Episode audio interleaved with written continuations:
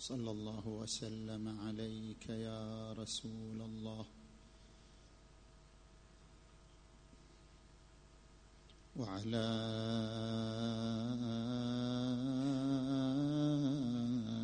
أهل بيتك المنتجبين يا ليتنا كنا معكم. فنفوز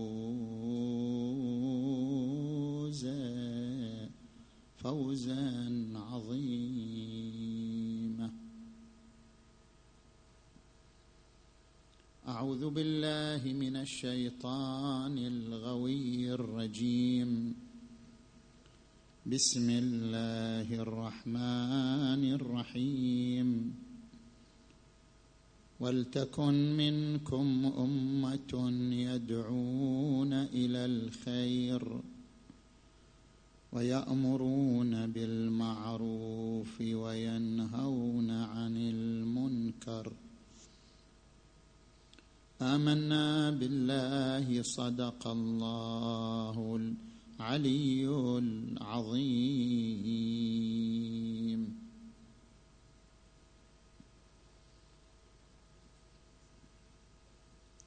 انطلاقا من الآية المباركة نتحدث في محاور ثلاثة. في الفهم الفردي والاجتماعي لنصوص الشريعة. وفي بيان أقسام الفقه الاجتماعي في الشريعة الإسلامية. وفي الحديث عن معالم المسؤولية الإصلاحية وهي مسؤولية الأمر بالمعروف والنهي عن المنكر. فنأتي إلى المحور الأول.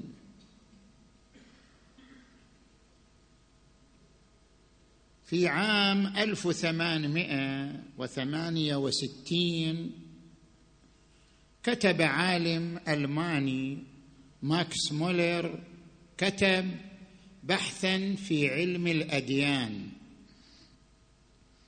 هذا البحث أثار ضجة أكاديمية وهي هل أن الدين علم أو الدين ليس بعلم؟ فالجامعات الألمانية في ذلك الوقت رفضت وقالت الدين ليس علم الدين هو مجموعة من الارتباطات الغيبية. ولا تصلح أن تعتبر علما. فإن العلم هو ما يبني نتائجه على الحقائق المقتنصة من التجارب الحيوية المثمرة. الدين مجموعة غيبيات لا يستند إلى الحقائق المقتنصة من التجربة. اذا الدين ليس علم. هنا مجموعة من الباحثين احتجوا. قالوا هناك علوم طبيعية علم الفيزياء علم الأحياء وهناك علوم إنسانية كعلم النفس كعلم الاجتماع. العلوم الإنسانية هي التي تدرس الظواهر الإنسانية سواء كانت ظواهر سلوكية أم كانت ظواهر اجتماعية. العلوم الإنسانية محورها دراسة الظواهر. طيب اعتبروا علم الدين من العلوم الإنسانية. لأن الدين ظاهره إنسانية. الدين ظاهره إنسانية موغلة في التاريخ. لم يمر تاريخ على البشرية إلا وكان لها دين. إما دين أرضي إما دين سماوي. اذا الدين ظاهره إنسانية. تستحق التحليل والدراسة. ما هي جذورها؟ ما هي مراحلها؟ ما هي أن ما هو تأثيرها على الإنسان وعلى المجتمع؟ الدين ظاهرة إنسانية تستحق الدراسة. لذلك يعتبر من العلوم الإنسانية مثل مثل علم النفس مثل مثل علم الاجتماع. منذ ذلك الوقت بدأ اعتبار الدين علما. وصار علم الأديان خصوصا علم الأديان المقارن هو من جملة العلوم التي تدرس في الجامعات الشرقيه والغربية. ما هي العناصر المشتركة التي يقوم عليها علم الدين؟ اقتنص مجموعة عناصر. قالوا الأديان تشترك في عدة عناصر معتقدات وطقوس وأخرويات. هناك عنصر أغفل في هذه الدراسات التي كتبت عن الدين أنه علم ألا وهو عنصر القانون. لا يوجد دين بلا قوانين. الدين من جملة عناصره ومقوماته أن له قانون. يحكم مسيرة الفرد ويحكم العلاقات الاجتماعية. اذا المظهر الجلي من الدين ليس هو المعتقدات والطقوس والأخرويات فقط بل المظهر الجلي من الدين أنه قانون يحكم الفرد ويحكم المجتمع. من هنا انبثقت مسألة الجانب الاجتماعي من الدين. الجانب الاجتماعي الذي يجسده الدين. فلذلك جئنا نبحث عن الفرق بين الفهم اللغوي للدين والفهم الاجتماعي. ما هو الفرق بين الأمرين؟ بين الفهم اللغوي للدين والفهم الاجتماعي. نجي إلى ما طرحه السيد محمد باقر الصدر قدس سره في بعض أبحاثه هناك فهم لغوي وهناك فهم اجتماعي للدين. ما هو الفرق بينهما؟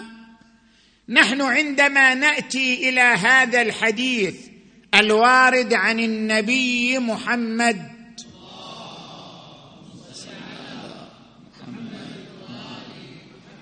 من أحيا أرضا مواتا فهي له. وعدنا حديث آخر من سبق إلى ما لم يسبق إليه مسلم فهو أحق به. عندما نجي نفهم الحديثين فهم لغوي ماذا نقول؟ نقول كل شخص يحيي أرض موات يحييها ببناء يحييها بزراعة يملكها. وكل شخص يسبق إلى مكان قبل غيره سبق إلى مكان في المسجد فهو أحق بهذا المكان. سمى حق السبق. سبق إلى مكان في السوق عند بضاعة وجلس في السوق وطرح البضاعة هو أحق بهذا المكان من غيره. يسمى حق السابق من سبق إلى ما لم يسبق إليه مسلم فهو أحق به. مو ملك حق حق السبق زين هذا فهم لغوي. لكن عندما نريد أن نفهم هاتين الروايتين فهما اجتماعيا لا فهما لغويا. الفهم الاجتماعي يعني أن نفهم النصوص على ضوء المرتكزات العقلائية. إحنا نعيش في مجتمع عقلائي. هذا المجتمع العقلائي عنده مفاهيم عنده مرتكزات عنده مفردات معينة. إذا فهمنا النصوص انطلاقا من هذه المرتكزات العقلائية انطلاقا من هذه المفردات العقلائية سوف نفهم النصوص بمعنى آخر. بمفهوم آخر وهذا يسمى بالفهم الاجتماعي. مثلا الروايتين اللتين قرأناهما. السيد الصدر يقول إحنا نفهم الروايتين على ضوء مبدأ العدالة. يعني هناك مبدأ عقلائي يقره المجتمع العقلائي وهو مبدأ العدالة. هذا المبدأ جاءت على ضوئه هذه النصوص. هذا المبدأ ماذا يقرر؟ يقرر كل من بذل جهدا فهو أحق بجهده من غيره. مسألة مو مسألة أحيا أرض خلاص. هذا مثال.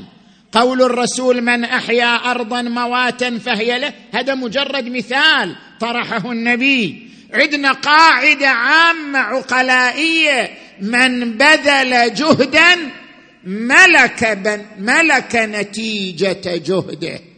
أحيا أرض هذا جهد بالبناء بالزرع. أحياها يملك نتيجة جهده.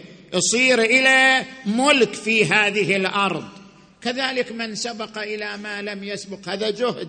هذا مو حديث آخر. هذا مو مو حكم فقهي آخر. هذا مو قاعدة أخرى. كلاهما من قاعدة واحدة. إذا يجي هذا الإنسان ويضع بضاعته في السوق هذا جهد قام به يملك نتيجة جهده. لذلك شوف الآن مسألة الحقوق. أنت تدخل في النت تشوف يقول لك هذا حقوق النشر محفوظة حقوق الاختراع محفوظة حقوق وهكذا. ليش؟ هذه الحقوق يراها السيد الصدر شرعية. يقول هذه كلها تدخل في نفس القاعدة.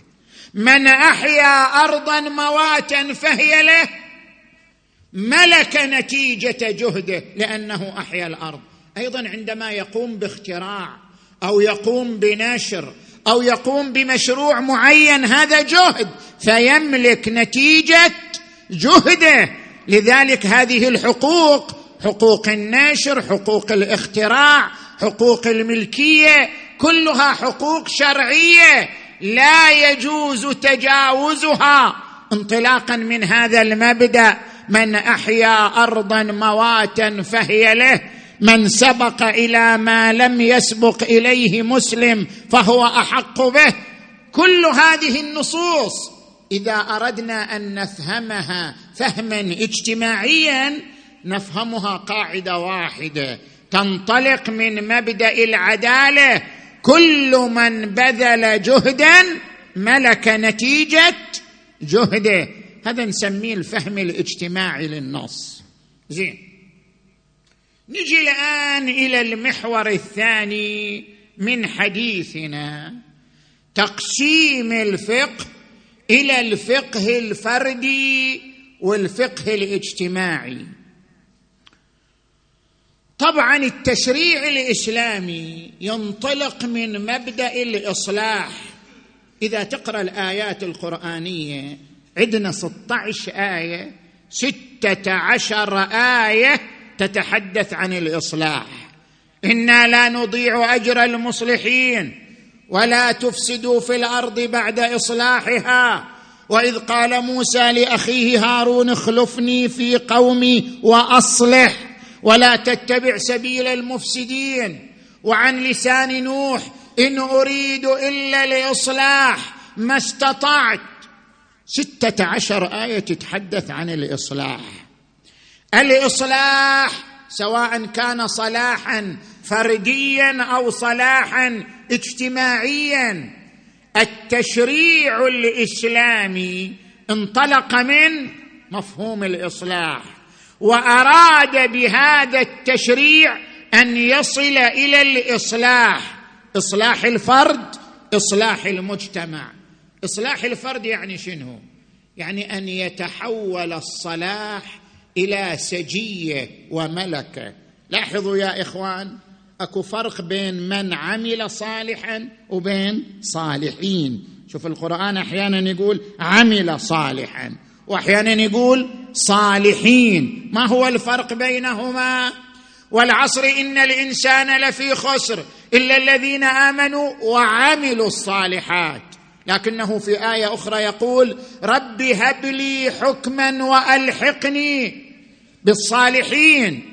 صالحون غير من عمل صالحا. من عمل صالحا؟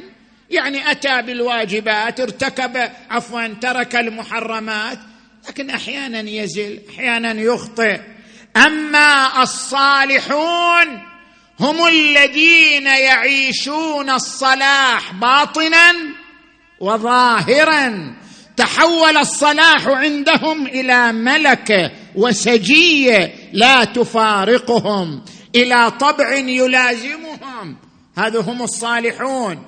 الهدف أن يكون الإنسان صالحا. وليس الهدف أن يعمل عملا صالحا. زين؟ وأما الصلاح الاجتماعي فيتحول الصلاح إلى حضارة تقوم على الأرض. هو أنشأكم من الأرض واستعمركم فيها. يعني اعمروا الأرض حولوا الأرض إلى حضارة. هذا هو الصلاح الاجتماعي. من منطلق الإصلاح جاء التشريع الإسلامي.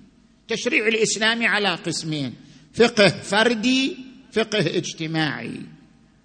الفقه الفردي هو الفقه الذي ينظر إلى سلوك الفرد سواء في علاقته مع الله صلاة صوم حج هذا علاقة مع الله.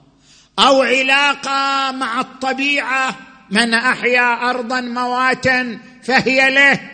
من سبق إلى ما لم يسبق إليه مسلم فهو أحق به. هذا أيضا داخل في الفقه الفردي علاقة الإنسان بالطبيعة. علاقة الإنسان بالله. علاقة الإنسان بالطبيعة. علاقة الإنسان بالمواد الأخرى. يحرم شرب الخمر يحرم أكل الميتة. هذا أيضا داخل في الفقه الفردي أما الفقه الاجتماعي فهو الفقه الذي يدرس العلاقات. كل علاقة بين طرفين فالفقه الذي يدرسها يسمى فقها اجتماعيا. الفقه الاجتماعي على أقسام خمسة أشير إليها. القسم الأول الفقه المعاملي البيع الإجارة المضاربة الشركة الزواج هذا كله يسمى فقه المعاملات.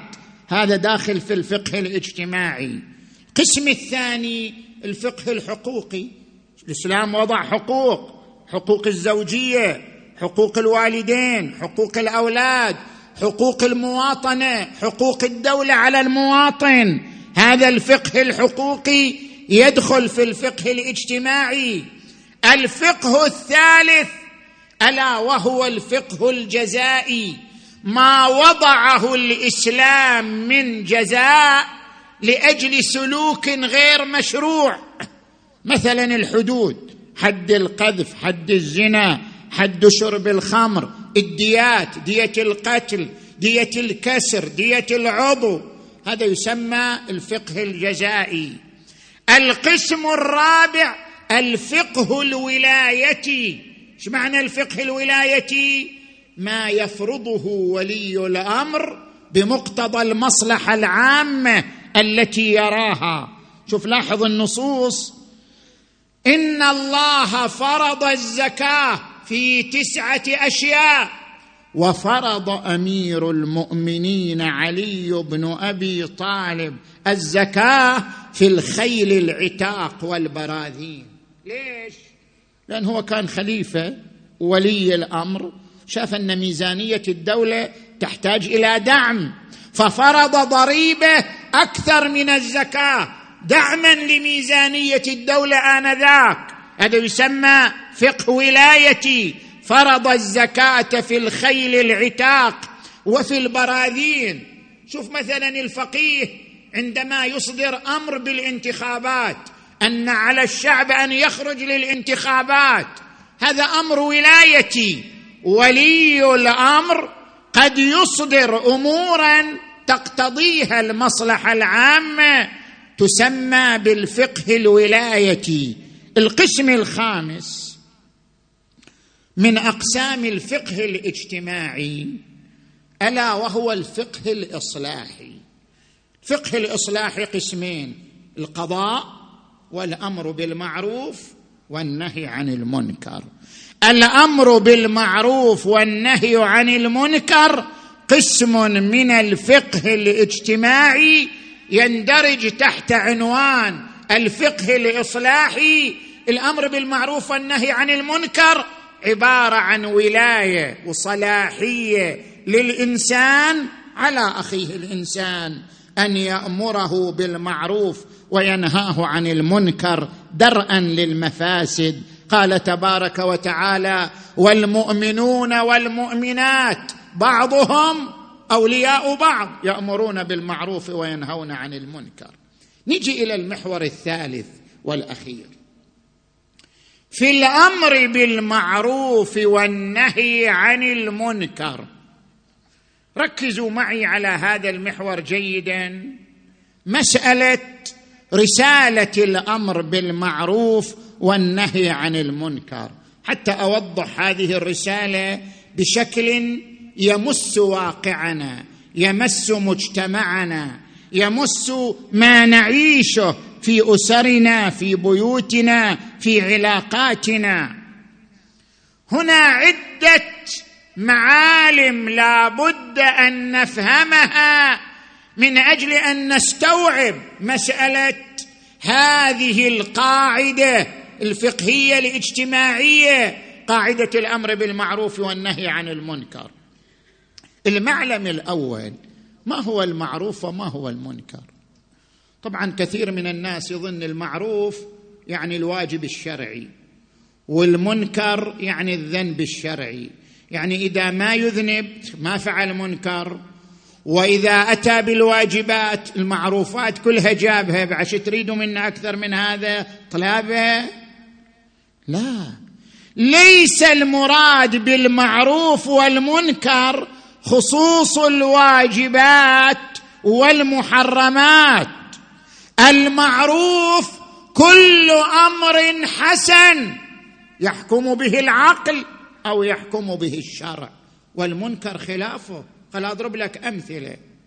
مثلا تعليم. تعليم معروف. واحد ينشئ مدرسة نموذجية في مجال التعليم. هذا من المعروف. الإسهام في إيجاد بيئة صحية. هذا من المعروف. تنشئ مستشفيات تنشئ طرق تنشئ عدة روافد ومرافق. لتأسيس بيئة صحية. هذا من المعروف. المعروف لا يختص بالواجبات الشرعية. كل ما يسهم في إصلاح المجتمع وحفظ نظامه فهو معروف. ليس المعروف خصوص الواجبات الشرعية وليس المنكر خصوص المحرمات الشرعية. كل ما يسهم في صلاح المجتمع وإحيائه فهو معروف وخلافه منكر. لذلك لاحظوا معي عندنا المحقق العراقي أحد أعلامنا الكبار. زين؟ أستاذ السيد الخوئي. هذا في كتابه شرح التبصرة يقول وجوب الأمر بالمعروف والنهي عن المنكر أمر يفرض العقل أصلا. ما نحتاج إلى دليل من القرآن ولا دليل من الروايات. العقل يقرر وظيفة الأمر بالمعروف والنهي عن المنكر. العقل يقرر مسؤولية الأمر بالمعروف والنهي عن المنكر. لماذا العقل يقرر؟ التفت إليه.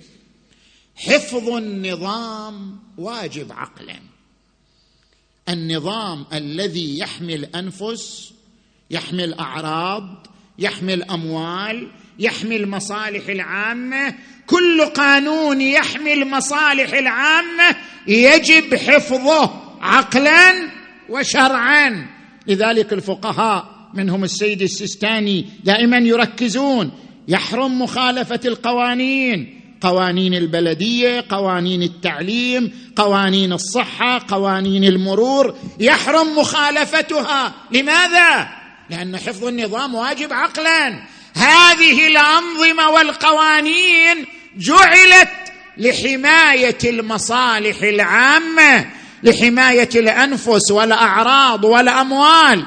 اذا يجب تطبيقها. حفظ النظام واجب عقلا. هذه مسألة عامة كبرى عامة. طيب الأمر بالمعروف والنهي عن المنكر أيضا يحفظ النظام. لذلك ورد في الرواية الشريفة عن الإمام الصادق عليه السلام يتحدث عن الأمر بالمعروف. به تقام الفرائض وتأمن المذاهب. تأمن المذاهب يعني تأمن الطرقات تصير الطرقات آمنة. وتحل المكاسب وترد المظالم وتعمر الأرض. بالأمر بالمعروف والنهي عن المنكر تعمر الأرض اذا الأمر بالمعروف والنهي عن المنكر دخيل في حفظ النظام. وبما أن حفظ النظام واجب عقلا اذا الأمر بالمعروف والنهي عن المنكر واجب عقلا. زين؟ اذا هذا المعلم لابد تخلوه في أذهانكم. مو المنكر فقط الذنب الشرعي لا. كل ما يضر بالمصلحة العامة للمجتمع فهو منكر. يشمله ما يدل على مواجهة المنكر واقتلاع المنكر. زين نجي إلى المعلم الثاني.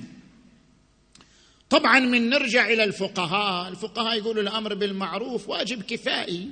إذا قام به البعض سقط عن الآخرين لأن القرآن قال ولتكن منكم أمة. ما قال كلكم؟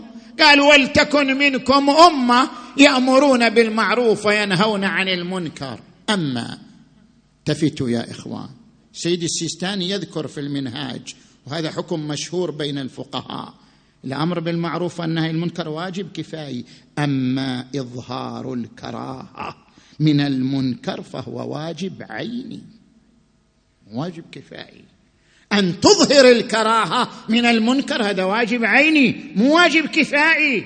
لاحظوا الرواية الواردة عن الإمام علي عليه السلام. رواية معتبرة معتبرة النوفلي عن الإمام أمير المؤمنين. أمرنا رسول الله صلى الله عليه وآله أن نلقى أهل المعاصي بوجوه مكفهرة. هذا مسألة واجب عيني. واحد يقول خل ليش إحنا يعني نوقع العداوة بين الناس ونوقع الحزازه بين الناس؟ خير يا طير فعل منكر يعني شكو. خب ما انخسفت السماء زين. وما انكبت السماء على الأرض ليش إحنا نظهر لهم الكراهة؟ يا أخي أظهر الألم. يا أخي أنت مو إنسان؟ أظهر على الأقل الألم أنك متألم. أنك متأذي من هذا المنكر. ليس المقصود بإظهار الكراهة أن تنشر العداوة وأن تدخل في مشاكل وأن تشتبك بالأيدي. لا لا لا مو مقصود بهذا. مقصود بإظهار الكراهة. يعني هذا العاصي أخوك صديقك جارك من تعرفه أظهر أنك متألم من فعله للمنكر. أظهر أنك متأذي من فعله للمنكر. ولو بقسمات وجهك ولو بنبرات صوتك إظهار الألم والأذى واجب عيني. غير مسألة وجوب الأمر بالمعروف والنهي عن المنكر. اذا هذا المعلم الثاني لابد من الالتفات إليه. زين نجي إلى المعلم الثالث أهداف الأمر بالمعروف. قلنا الأمر بالمعروف مسؤولية إصلاحية. ما هي الأهداف المترتبة عليها؟ ثلاثة أهداف لوحظت في مسألة الأمر بالمعروف والنهي عن المنكر. الهدف الأول وجود الأمة الآمرة. يعني شنو وجود الأمة الآمرة؟ افترض إحنا ما نأثر في الناس. افترض لو نحكي على المنابر مليون سنة الناس مصرة على المعصية. افترض أن الآباء مهما يتحدثون الناس ما يتأثروا. يعني يترك الأمر بالمعروف؟ لا. نفس وجود أمة آمرة هو مطلوب في حد ذاته. ولتكن منكم أمة يأمرون. حتى لو لم يؤثروا شيئا. حتى لو لم ينعكس تأثيرهم على الساحة. وجود أمة آمرة هو هدف مطلوب في حد ذاته. أن يكون في الأمة الإسلامية من يأمر بالمعروف حتى لو ما إلى تأثير. نفس وجود هذه الصفة هدف من أهداف التشريع الإسلامي. زين الهدف الثاني زرع الداعي للمعروف. وزرع الزاجر عن المنكر. هذا هدف مطلوب. كيف يعني؟ اشرح لك. يعني الآن أنت مثلا صديقك من يشوفك أنت ما تقبل المنكر؟ من يشوفك أنت تردع عن المنكر؟ يضطر إلى ماذا؟ يضطر على الأقل أن يخفي. قد يفعل المنكر سرا لكن أمامك ما يفعل لأنك تردعه. ولدك قد يرتدع علنا لكن ما يرتدع سرا. هذا هدف مطلوب أصلا. كونه يرتدع ولو علنا هذا هدف مطلوب. إيجاد الزاجر عن المنكر في حد ذاته هدف مطلوب. حتى لو كان ابني يفعل المنكر سرا لكنه ما دام يرتدع علنا ويخشى هذا هدف مطلوب من الأهداف. لتأمرن ورد عن الرسول محمد.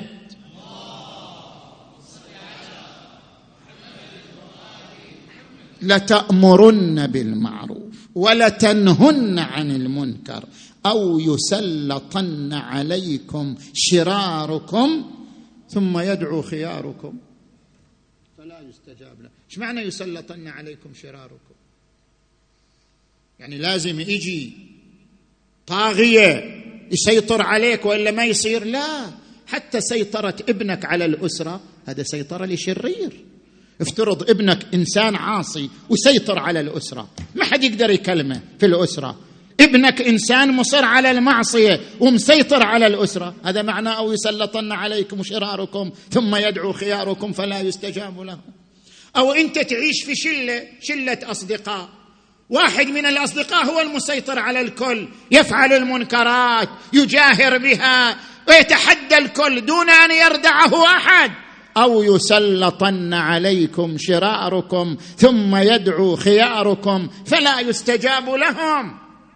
مسألة مو مسألة سيطرة عامة.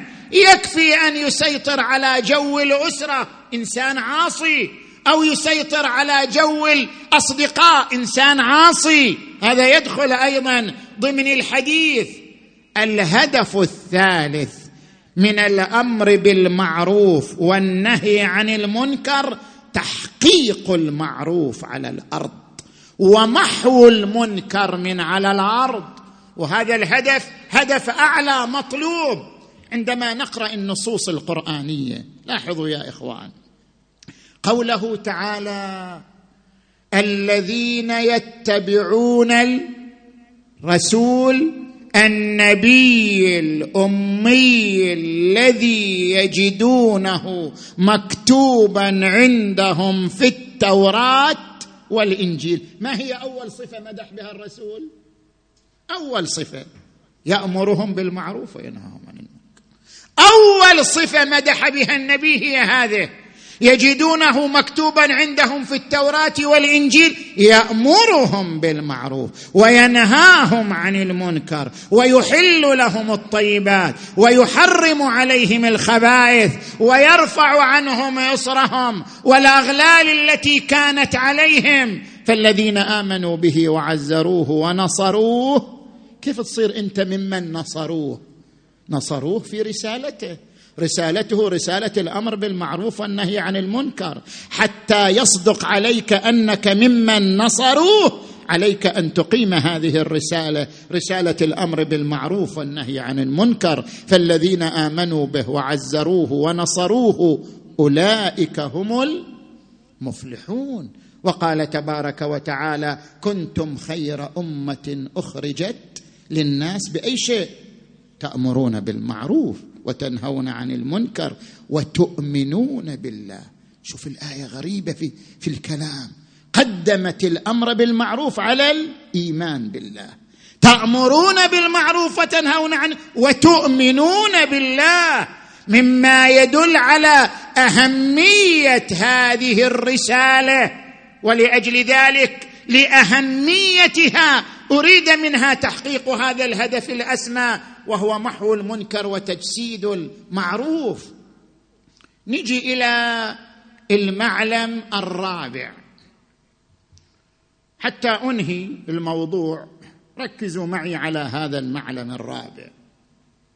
طبعا إحنا عندما نجي إلى الرسائل العملية الرسائل العملية تذكر شروط خمسة للأمر بالمعروف يعني لوجوب الأمر بالمعروف. معرفة المعروف والمنكر أن يكون الآخر مصرا على المنكر أن آه، يحتمل التأثير أن لا يترتب ضرر عليك وهكذا. شروط مذكورة.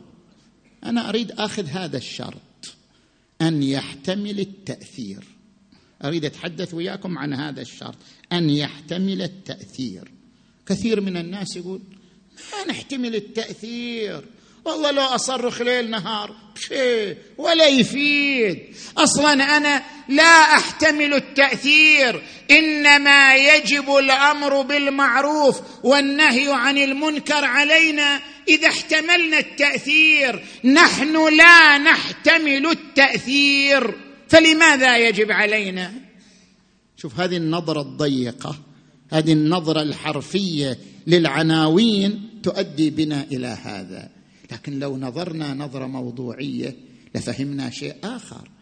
كيف أنت تولد احتمال التأثير؟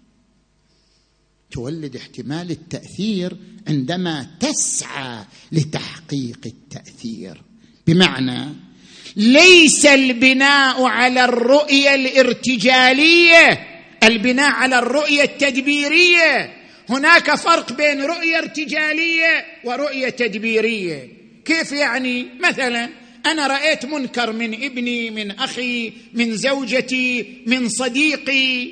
برؤية ارتجالية أقول لا يتأثر بكلامي خليه. جهنم الحارة. أوه ربه ينجاز وياه. زين؟ لأنني قرأت الموضوع قراءة مرتجلة لذلك قلت لا يحتمل التأثير. بينما إذا اعتمدت الرؤية التدبيرية ما معنى الرؤية التدبيرية؟ أن تخطط. مسألة الأمر بالمعروف مشروع والمشروع يحتاج إلى ماذا؟ تخطيط. الأمر بالمعروف والنهي عن المنكر مشروع وكل مشروع يحتاج إلى تخطيط. أنت الآن تريد تتزوج الزواج مشروع. هل تتعامل مع الزواج برؤية ارتجالية؟ لا تتعامل مع الزواج برؤية تدبيرية. تدرس الزوجة الصالحة صفاتها ظروفها أسرتها. إلى أن تقدم على المشروع.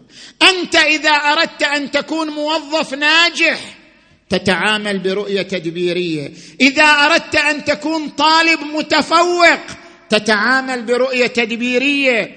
أيضا الأمر بالمعروف والنهي عن المنكر مشروع يحتاج إلى رؤية تدبيرية. ما هي الرؤية التدبيرية؟ هي التي نستفيدها من الآية المباركة. ادعو إلى سبيل ربك. شنو؟ بالحكمة والموعظة الحسنة. هناك عنصران. عنصر الأول الحكمة. ادرس الموضوع قبل أن تأمر بالمعروف وتنهى عن المنكر. ادرس. ادرس الموضوع دراسة جادة تحليلية. إذا خططت إذا درست إذا أمرت بالمعروف عن دراسة سوف تحتمل التأثير. أما إذا تعاملت مع الأمور برؤية ارتجالية طبيعي ما بتحتمل التأثير. قل أنا ما أؤثر في الآخرين. أما إذا تعاملت بدراسة وحكمة وتخطيط سوف تحتمل التأثير. بمرور الوقت سوف تحتمل التاثير اذا العنصر الأول الحكمة يعني الدراسة. والعنصر الثاني الأسلوب الجذاب. الأمر بالمعروف والنهي عن المنكر يحتاج إلى أسلوب جذاب يحتاج إلى أسلوب مؤثر. تفضل ادرس الآن أكو كورسات. يعلم الإنسان كيف؟ كيف يؤثر في الآخرين؟ كيف يكون له أسلوب جذاب للآخرين؟ كيف يضع بصمات كلامه في الآخرين؟ لو أنني أعيش مشكلة مشكلة في أسرتي مشكلة في زوجتي مشكلة في أصدقائي وأنا ما أعرف الأساليب الناجحة. أدرس! ما فيها عيب. ادرس الأساليب الناجحة والمؤثرة لكي تقوم بمسؤولية الأمر بالمعروف والنهي عن المنكر. اذا احتمال التأثير لا يقرأ برؤية ارتجالية وإلا نترك الأمر بالمعروف. لابد أن يقرأ برؤية تدبيرية. إذا قرئ برؤية تدبيرية حققنا التأثير في الآخرين من خلال الحكمة والموعظة الحسنة. نجي الآن إلى واقعنا المؤلم. مع الأسف الشديد نحن المؤمنون لما نتكلم مع غير المؤمنين نتكلم مع المتدينين. واقع المتدينين الآن إحنا نتكلم وغيرهم وغيرهم فارغين بعد. نتحدث عن واقع المتدينين. لا يبالي بحجاب زوجته ولا أبنائه. هذا واقع؟ ما يبالي. أبدا. قصرت الزوجة في الحجاب قصرت البنات في الحجاب. لا مبالاة. هو إنسان متدين يحافظ على صلاة الجماعة لكن لا يبالي. ليش؟ والله مو معلوم يتقبلوا مني وأنا ليش أفرض سيطرتي على الآخرين؟ وأنا ليش أقيد حرية الآخرين؟ ليس الموضوع فرض سلطة ليس الموضوع تقييد حرية الموضوع موضوع إنقاذ. أنت عندما تحمي حجاب زوجتك وبناتك أنت تنقذهم. قوا أنفسكم وأهليكم. نارا وقودها الناس والحجارة. يعني تفضل أنت لو زوجتك مرضت. تقدر ما تسعى في علاجها أوه تحل المصيبة العظمى. زين؟ كما تنقذ زوجتك إذا تعرضت لمرض. كما تنقذ ابنتك إذا تعرضت لمشكلة في الجامعة في الطريق. أيضا وظيفتك إنقاذ زوجتك وبناتك من الذنوب من المعاصي. وظيفتك الإنقاذ. ليس فرض سيطرة ولا تقييد حرية. عنوانها عنوان الإصلاح والإنقاذ. طبعا الخطاب مو فقط للرجال هم للنساء. مسكينة زوجة صالحة متدينة مبتلات بشنو؟ بزوج؟ لا مبالاة. بزوج منحرف. زين؟ عنده علاقات غير مشروعة أو عنده إصرار على معاملات غير شرعية يجب عليها. مو تقول هذا رجل ما يسمع لي يسمع لها بمرور الأيام. والمؤمنون والمؤمنات بعضهم أولياء بعض يأمرون بالمعروف وينهون عن المنكر. أو آن المشكلة مثلا مشكلة الأصدقاء. والله أنا ما أريد أحرج صديقي هو صحيح يفعل منكر بس ما أريد أحرجه. ليش أخرب علاقتي وياه؟ خل علاقتي وياه جميلة لطيفة حتى لو كان يفعل المنكرات. لا أنت من إخلاصك له ومن صدق علاقتك به أن تأمره. إذا كانت العلاقة علاقة صادقة إذا كانت العلاقة علاقة صادقة مقتضى صدق العلاقة أن تأمره بالمعروف وتنهاه عن المنكر. طبعا كما قلنا بالحكمة والموعظة الحسنة هذا من صدق العلاقة. ورد عن الإمام زين العابدين علي عليه السلام خمسة لا تصادقهم ولا ترافقهم. من هم الخمسة؟ الإمام يذكر هؤلاء الخمسة. يقول الأحمق فإنه يريد أن ينفعك فيضرك. زين؟ الثاني البخيل فإنه يمنعك أحوج ما تكون إليه. والثالث الفاسق المستهتر المزاول للفواحش. فإنه يبيعك بأكله أو بأقل منها. إذا يتجاوز الخطوط الحمراء مع ربه ما يتجاوز الخطوط الحمراء وياك يعني أنت شنو؟ فإنه يبيعك بأكله أو بأقل منها. زين؟ ثم يصل ويقول وقاطع الرحم فإني وجدته ملعونا في كتاب الله. اذا من صدق علاقتك بأصدقائك ومن صدق علاقتك بزوجتك ومن صدق علاقتك بأسرتك ومن صدق علاقتك بزوجك وببناتك وبصديقاتك. ان تمارسي مسؤولية الأمر بالمعروف والنهي عن المنكر. كنتم خير أمة أخرجت للناس. تأمرون بالمعروف وتنهون عن المنكر. ما أحد معذور. الله يقول ما لي شغل. ابدا. المسؤولية مسؤولية الكل.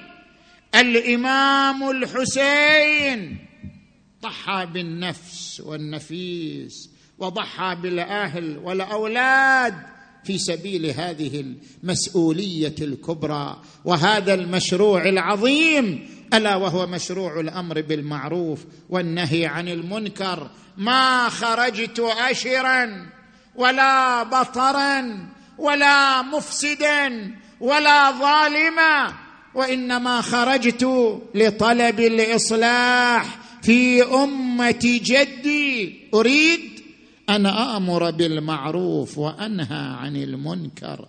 فمن قبلني بقبول الحق فالله أولى بالحق ومن رد على هذا فالله يحكم بيني وبين القوم بالحق إنه خير الحاكمين. لم أنسه إذ قام فيهم خاطبا. فإذا هم لا يملكون خطابا. يدعو ألست أنا ابن بنت نبيكم؟ وملاذكم إن صرف دهر نابا. هل جئت في دين النبي ببدعة؟ أم كنت في أحكامه مرتابا أولم يوص بنا النبي وأودع الثقلين فيكم عترة وكتابا؟ إن لم تدينوا بالمعاد فراجعوا أحسابكم إن كنتم أعرابا. فغدوا حيارى لا يرون لوعظه إلا الأسن. والرماح جوابا. حتى إذا أسفت علوج أمية. الا ترى قلب النبي مصابا. يا يا يا. صلى يا يا على جسم الحسين سيوفهم. فغدا يا لساجدة الظبا. محرابا يا يا يا يا يا, يا. ومضى لهيفا لم يجد غير القناضل ولا غير النجيع شرابا. ظمآن ظمآن ذاب فؤاده من غلة. لا ومست الصخر الأصام. لذابا يا يا يا يا يا. أصبح جسمه كالقنفذ. من كثرة الطعنات من كثرة الضربات. حتى في بعض الروايات أربعة آلاف طعنة وضربة وقعت في جسمه. الله أكبر. آه. لكن أعظم هذه الطعنات. رواية رواية عن الإمام الباقر. أعظم طعنة وردت على جدك الحسين. ما هي أعظم طعنه وردت على جدك الحسين؟ قال عندما وقع السهم المثل. وحسينا أي. شال حسين ثوبه يمسح الدم. هو ضرب؟ ضربه أبو الحتوف بحجر على جبينه. وقف بأبي وأمي يمسح الدماء. شال حسين ثوبه يمسح الدم ولن سهم المثلث ناجع بسم. وين وقع؟ بقلبه وقع لا وخر جده. هواه واظلم هواه والسمح مار غارت الدنيا في عينه. مسح شيبته بالدماء وانكب على الأرض يؤن أنينا. أنين أنين يقطع القلوب. وأقبل الجواد للخيمات محمحما شاردا مناديا الظليمة الظليمة. من أمة قتلت ابن بنت نبيها. فلما سمعنا النساء جوادك مخزيا والسرج عليه ملويا خرجنا من الخدور. ينادين يا جواد الحسين أين حسين؟ أيها المهر توقف لا تحم حول الخيام. واترك الإعوال كي لا يسمع الآل الكرام. كيف تستقبلهم؟ تعثر في فضل اللجام. وهم ينتظرون الآن إقبال الحسن. قتلوه بعد علم منهم أنه خامس أصحاب الكساء. يا الله. اللهم بالحسين الوجيه وجده وأبيه وأمه وأخيه والتسعة من بنيه. اللهم اغفر ذنوبنا واستر عيوبنا وكفر عنا سيئاتنا وتوفنا مع الأبرار.